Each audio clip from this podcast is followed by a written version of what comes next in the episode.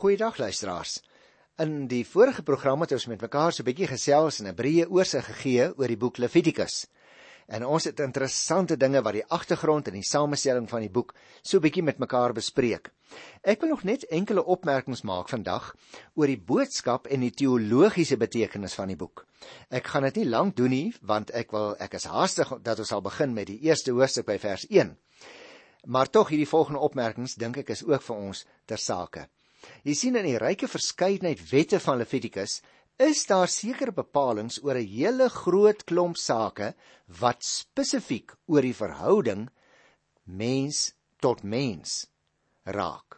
So word huwelike tussen sekere bloedverwante byvoorbeeld verbied in die 18de hoofstuk of die belang van die armes en bywoners wat beskerm word. En ek dink in ons tyd is dit ook baie belangrik en daar's 'n hele klompie gedeeltes veral in die 19de hoofstuk en ook die verskillende bepalinge wat gegee word en wat saamgevat kan word in die woorde van uh, Levitikus 19 vers 18 jy moet jou naaste lief hê soos jouself. So jy sien luisteraars, hoewel dit 'n baie ou boek uit die Ou Testament is, hoewel dit geldig was vir die woestynsituasie en ook na hulle intog toe die kultus, die erediens in die tempel wat Salomo opgerig het, 'n bepaalde vaste patroon gekry het, hoewel dit vir hulle belangrik was, is dit vir ons interpersoonlike verhoudinge vandag nog steeds baie baie aktueel. Die grootste gedeelte van die boek handel egter oor die verhouding van die mens tot God. Dit sal jy onthou het ek in die vorige program verduidelik. En wel tot die enige verbondsgod, die Here. Jahwe, soos wat hy in die Ou Testament in die Hebreëse taal genoem word. In die offerwetgewing word nadruklik verklaar dat die offer voor die aangesig van die Here geslag moet word. Ons gaan uh, ons gaan dit net nou sien, maar ons gaan dit nog dikwels teekom en dat dit 'n lieflike geur aan die Here behoort te wees. En in die wette word ook telkens verwys na die Here wat sy heilige wil bekend maak. So jy sien dit maak my opgewonde want dit gaan oor respek, oor eerbied vir die verbondsgod. En ek dink in ons tyd is dit verskriklik aktueel luisteraars want daar is 'n geneigtheid by jou en my soms om as dit ware onvoorbereid om sommer mag ek dit so uitdruk met donker harte met vuil voete in die teenwoordigheid van die Here in te storm.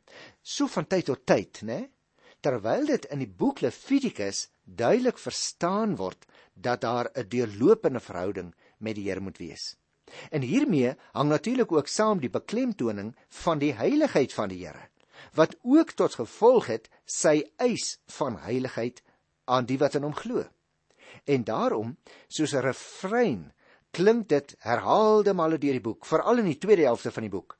Julle moet my heiligheid erken. Julle moet heilig wees, staan daar, want ek, die Here julle God, is heilig. Met ander woorde, die mens se heiligheid is iets wat hy ontvang as 'n gawe van die Here. Want dit is die Here wat vir jou en vir my heilig. Ons is nie heilig uit onsself nie. Maar dan moet die mens steeds in sy lewe openbaar en word wat hy in beginsel reeds is. Jy sien luisteraar, jy en ek is op grond van wat Christus vir ons gedoen het, is ons heilige mense. Daarom kry ons ook dikwels in die briewe van Paulus in die Nuwe Testament in die Griekse taal is uh, staan dit duidelik daar aan die heiliges wat in hierdie of daardie gemeente is. En so is baie van die wette Levitikus juis daarop gemik om die heiligheid van die Here te beklemtoon en ook om die mens op te roep tot 'n heilige lewenswandel elke dag. Die heiligheid van die Here blyk juis in sy straf van die sonde wat sy heiligheid aantas. En daarom was die bring van offers ook so belangrik. So bevat die boek met sy oproep tot heilige lewenswandel ook terselfdertyd 'n kragtige oproep tot stryd teen die sonde. Wat des te ernstiger is omdat die Here aantoon hoe dat hy self alle sonde en onreinheid bestry juis deur die wetgewing en deur die voorskrifte vir reiniging en verzoening. Behalwe dit, versinne beeld die offer wat die mens bring wat juis rein en sonder gebrek moet wees onder meer die algehele toewyding van die lewe aan die Here. Daarom kan jy nie sommer net 'n afgeskeepte of 'n maar of 'n siek dier bring nie, want dan toon jy daarmee jou respek van die Here is nie op standaard soos wat hy dit verwag nie. Maar omdat die mens in stryd teen die sonde soms die nederlaag lê en God in sy genade ons nie sommer net almekaar net wil straf nie, reël die Here dat daar die moontlikheid sal wees van verzoening. Soos die kennis van die sonde in hierdie boek duidelik na vore kom, so ook die kennis van die genade. Wat daar telkens gewys word op sondevergifnis, op reiniging, op verzoening, want onthou, saam met die sterk nadruk wat hier op die heiligheid van die Here val, word ook die genade van die herstel van die regte verhouding tot God beklemtoon. Jy moet dus nie onder die misverstand lewe dat die dat die Ou Testament vir al sy wetgewing vir ons 'n God wat net straf oor ons wil bring. Beskryf asof die Nuwe Testament dan die God van liefde beskryf nie. Nee, dis nie waar nie. Ons sien er juis in die Ou Testament in hierdie boek Levitikus wat ons nou gemaandel, hoe dat die wetgewing juis daarop gerig is sodat sonder mense met die heilige God in lyn kan kom. Daarom is dit dieselfde God wat in die boek Levitikus aan die woord is, wat ons ook in die Nuwe Testament. Die hele Ou en Nuwe Testament is die spreuke van dieselfde Here. Dit kom byvoorbeeld tot uitdrukking in die offers wat dan gebring word om verzoening vir die mens te bring, net soos wat die Here Jesus verzoening vir ons bewerk het, want ons kan nie uit onsself nie. Met ander woorde, letterlik en figuurlik in die sentrum van die boek staan hoofstuk 16 wat ek verlede keer ook vir jou gesê het. Want hoofstuk 16 staan as dit ware so 'n bietjie op sy eie. Wat praat van die groot versoendag wanneer die hoë priester in die binneste van die heiligdom ingaan om verzoening vir almal te gaan doen, soos in Hebreërs daar staan voor die aangesig van die Here. Net 'n laaste paar opmerkings.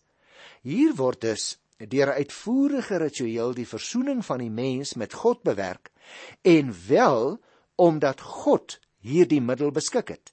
Net soos hy die bloed wat op die altaar vergiet word, bestem het as 'n middel om die verzoening te bewerk. Gaan lees gerus in Levitikus 17 by vers 11.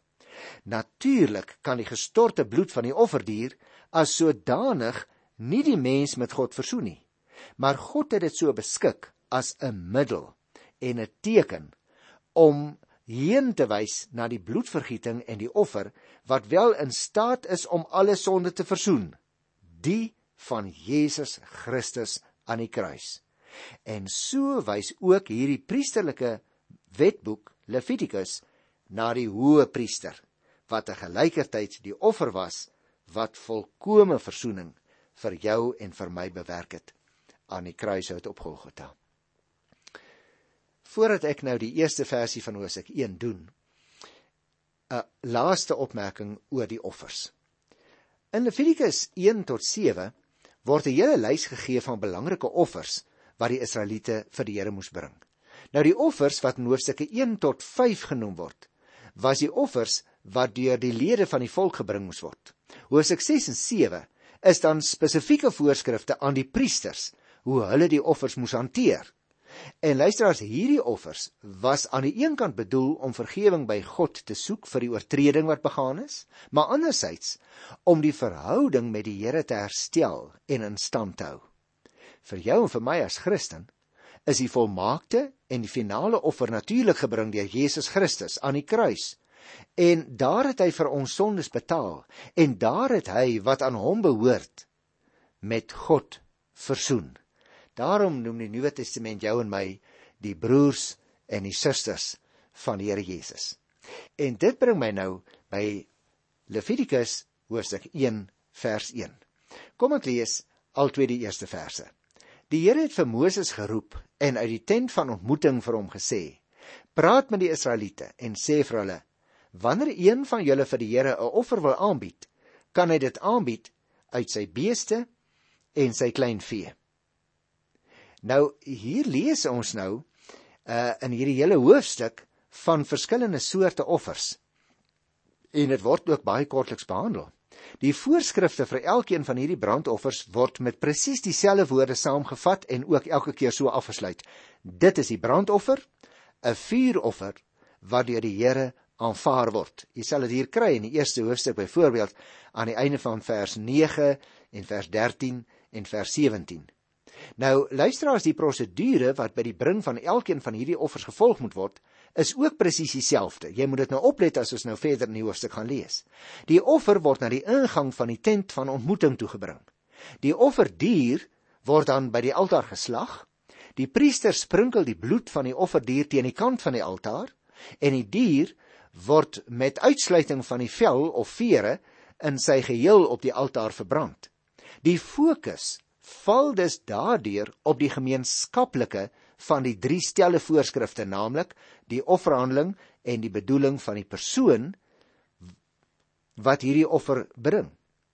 Die drie kategorieë van diere wat geoffer gaan word, hang telkens af van die besittings van die persoon wat kom offer. Met ander woorde, die heel rykstes het vee kuddes gehad waaruit hulle hulle bulle kon neem.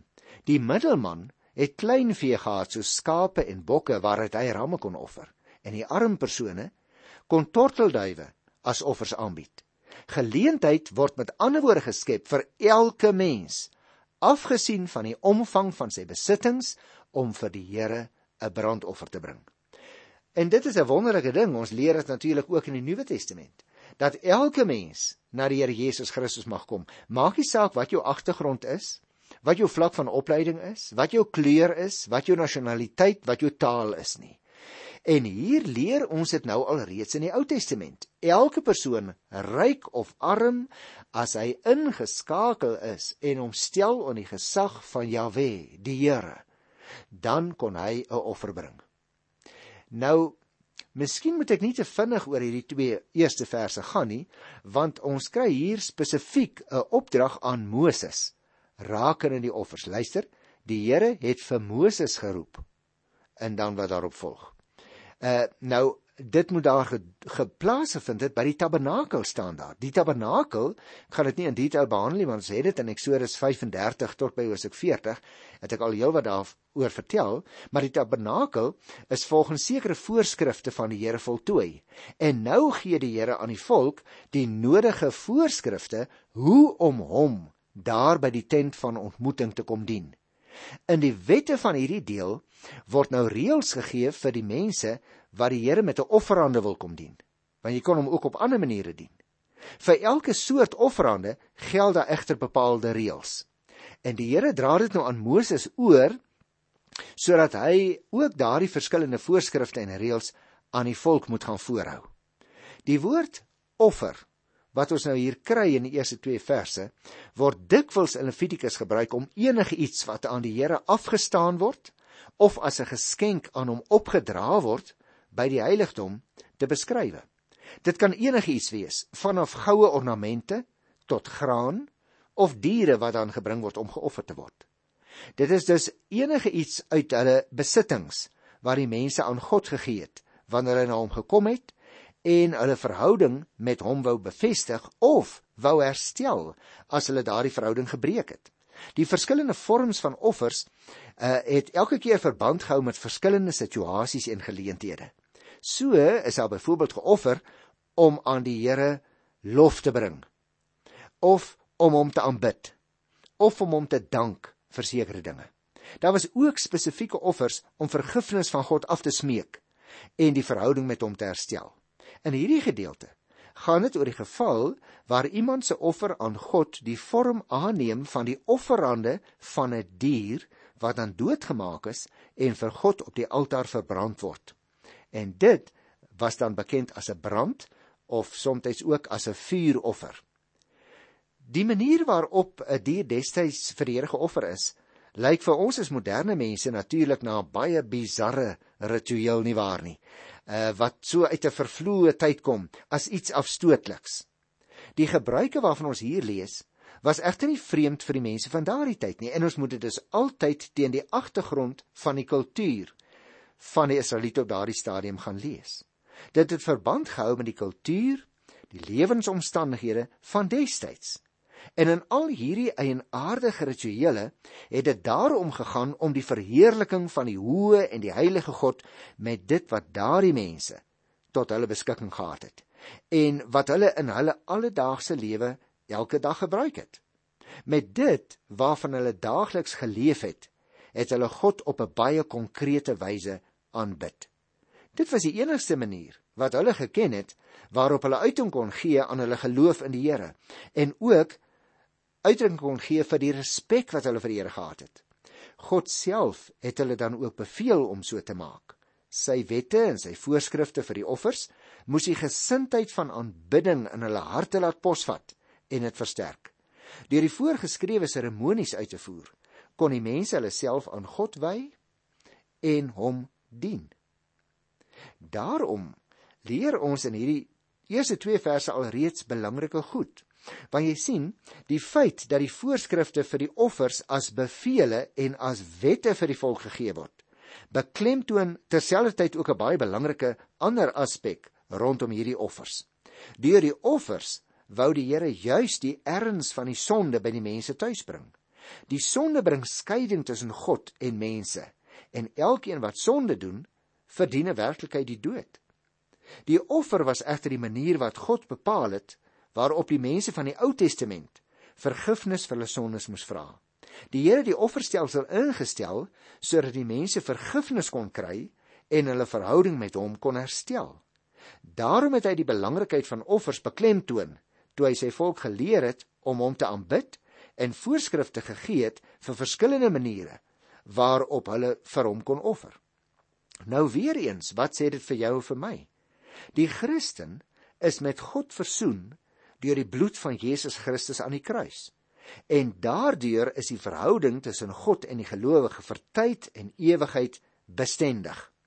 Terwyl die gelowige dis nie nodig het om hierdie verhouding deur offerandes te probeer herstel nie, Die gelowige moet met alles wat jy en ek het in hierdie verhouding tot God lewe. Gaan lees byvoorbeeld Romeine 12 vers 2. Dan sal jy sien daar word dit in hierdie terme uitgedruk as 'n lewensoffer, naamlik gee julleself aan God as lewende en heilige offers wat vir hom aanneemlik is. Die feit dus dat ons in hierdie eerste 2 verse in Levitikus 1 die woorde die Here het vir Moses geroep lees, sit juis die verhaal van Eksodus 40 voort. Ons moet dus duidelik verstaan, Levitikus sluit direk aan by die situasie daar in die woestyn en wat gesluit het met Eksodus 40. Die Here praat ook, let op, met Moses uit die tent van ontmoeting. Jy sal onthou, dit was die verskuifbare heiligdom of wat ook soms genoem is die tabernakel wat uh, Moses, soos ek net nou gesê het, op die bevel van die Here gemaak het. Nou is dit interessant. Die Here gee eers 'n algemene voorskrif wat in 'n sekere sin as 'n indeling geld vir baie ander gedeeltes wat nog gaan volg. 'n Offer moes dus reeds in daardie tyd iets wees uit die besitting van die persoon wat 'n offer bring. Met ander woorde, 'n ander ou kan nie vir my 'n offer gegee het in daardie tyd en nou bring ek die offer vir die Here nie. Dit moes iets van myself gewees het. Anders kon ek dit nie geoffer nie. 'n Offer moes dus vir die een wat offer as dit ware iets kos. Gaan lees maar in 2 Samuel 24 vers 24. Dan sien jy ook iets van hierdie gedagte optel. Dit moes nie sommer net iets gewees het wat ek as dit ware hier in my kraal gou-gou net uitvang sommer die eerste dier wat voor my kom nie. In daardie tyd ehm uh, van algemene armoede, onthou die ouens was in die woestyn en ook sou ek sê van algemene hongersnood. Veral as jy nou dink aan jou my situasie in ons westerse oorvloed, nê, was 'n skaap in 'n bokram, maar veral 'n bul, 'n baie baie kosbare dier van die gemiddelde persoon se besittings. As iemand wat wou offer egter heeltemal te arm was, is hy wel toegelaat het ek nou nog gesê, uh, om 'n tortelduif of 'n makduif te offer. En ek gaan later weer daarby terugkom as ons die 5de en die 12de hoofstuk behandel. God gee dus ook aan die armste mense in daardie gemeenskap van destyds die geleentheid om hom met hulle karige offers te dien. Hy laat hulle ook deel in al sy seënings. En daarom is die brandoffer waarvan ons nou hier uh baie gaan lees, in die res van hoofstuk 1, was dit die belangrikste offer vir die gewone Israeliet. En daarom word die die uh, spesifieke voorskrifte eerste gegee in die boek Levitikus. Die kosbaarste brandoffer, naamlik 'n offer uit die beeste, word eerste behandel hier van vers 3 tot 9 en daarna gaan jy nou sien uh, word daar oor die minder kosbare brandoffer uit die klein vee uh, vers 10 tot 13 gepraat, maar ek het reeds beklemtoon daarmee kom die Here die rykeste gemoed, hulle bring 'n bul, die middelklas mense, hulle bring uit die kleinvee, maar ook die armste kan net 'n duif gebring het. En miskien het hy moeite gehad om daardie duif te vang, maar dit het net soveel waarde gehad. Dit was hoegenaamd nie 'n minderwaardige offer nie. Die voorskrifte by elkeen van hierdie drie groepe word telkens afgesluit met die woorde: Dit is die brandoffer, 'n vuuroffer wat deur die Here aanvaar word. staan aan die einde van vers 9 en 13 en 17 wat elke keer uh, die afsluiting is van een van die verskillende offers. Nou kom ons sluit vandag met die eerste voorbeeld af hier van vers 3 tot by vers 5. As dit 'n brandoffer uit die beeste is, bied die man 'n bul aan sonder liggaamsgebrek. Hy bied dit aan by die ingang van die tent van ontmoeting sodat dit vir die Here aanneemlik sal wees. Daarna sit hy sy hand op die offerdier se kop sodat dit aanvaar sal word as 'n verzoening vir hom. Nou die eerste is dan die beskrywing van hoe die bul as 'n brandoffer gebring moet word. Die offerdier, interessant, dit is gelees, moet sonder enige gebreke wees. Nou wanneer die persoon na die Here toe kom by die tabernakel, bring hy die beste saam wat hy dus besit. Hy kom nie met 'n wilde dier wat hy sommer net iewers gevang het of wat hy onder die uitskot van sy kudde gekry het nie. Nee, vir die ryk man was sy kosbaarste besit juis een van die bulle uit sy kudde. En vir die kleinveeboer is die beste wat hy besit een van die ramme uit sy veekudde. Na gelang van die welvaart wat iemand geniet, moes hy dus uit sy eiendom die beste kies om aan die Here te offer. Die 4de vers het gesê daarna sit hy sy hand op die offerdier se kop sodat dit aanvaar sal word as verzoening vir hom. En dis belangrik luisteraars, want die persoon moet sy hand nou op die dier se kop sit, ehm um, voor hy hom slag, om daardeur aan te dui dat hy die dier afstaan vir die uitsluitlike doel van die brandoffer. Soos Moses met sy hand op Joshua se kop geplaas het om hom as die leier van die volk aan te wys, lê die persoon nou ook sy hand op die dier se kop om aan te dui dat hy die dier volledig afstaan vir die uitsluitlike doel om die verhouding tussen hom en die Here in stand te hou. Die hele dier, behalwe die vel en die bloed, word op die altaar verbrand om aan te toon dat die persoon hom volkome aan die Here wy. Hy druk dus sy toewyding aan God uit deur hierdie dier geheel en al vir God in die vuur te laat opgaan. En met hierdie daad, dit klink vir ons nou vreemd, maar met hierdie daad het die Ou Testamentiese Israeliet bevestig dat hy sy heelhartige toewyding aan die Here bely. 'n gebed of 'n belydenis waarin hy sy toewyding verklaar terwyl hy sy hand op die dier se kop sit, sou eintlik nie hier van pas gewees het nie. En daarom is dit 'n baie baie belangrike en aangrypende geloofshandeling waarmee ons hier te maak het. Ter afsluiting wil ek dus sê, uh, luisteraars, die tipe brandoffer wat vir die Here gebring kon word, was 'n brandoffer. Dit is 'n offer wat in vuur en in rook opgegaan het en in sy geheel verbrand is. Jy kon die bedoeling daarvan ook so 'n bietjie duideliker verstaan as jy byvoorbeeld gaan lees in 1 Konings by die 18de hoofstuk. Daar lees ons uh van Elia en die priesters van Baal wat bulle geoffer het om te sien wie sal antwoord, God of Baal. Die brandoffer word gebring om antwoord van God te kry op die mense toenadering en of dit deur die Here aanvaar word. Die persoon wat offer, erken dat hy nie kan lewe as die Here hom nie raak sien en hom oor daardie persoon wat die offer bring ontferm nie. En daarmee luisteraars, het die mens van Deses bely dat hy in 'n verhouding met God wil staan en volgens sy wil wil lewe. Hy onderwerp homself met ander woorde aan die wil van die Here deur volgens die voorskrifte van die Here te offer. Sy offer is 'n stukkie getuienis van sy afhanklikheid en sy verbondenheid aan God. Is dit nie 'n wonderlike reëling wat die Here gemaak het nie? Is dit nie 'n fantastiese reëling wat hy in die Nuwe Testament gemaak het deur sy seun te laat offer nie en vir jou en vir my Romeine 12 op te roep dat ons onsself as dit ware as 'n offer aan die Here moet gee. Hoe ver skiet jou en my toewyding tog dikwels te kort. Of is dit nie so nie? Ek groet jou dan tot volgende keer in die wonderlike naam van ons Here Jesus Christus. Tot dan. Totsiens.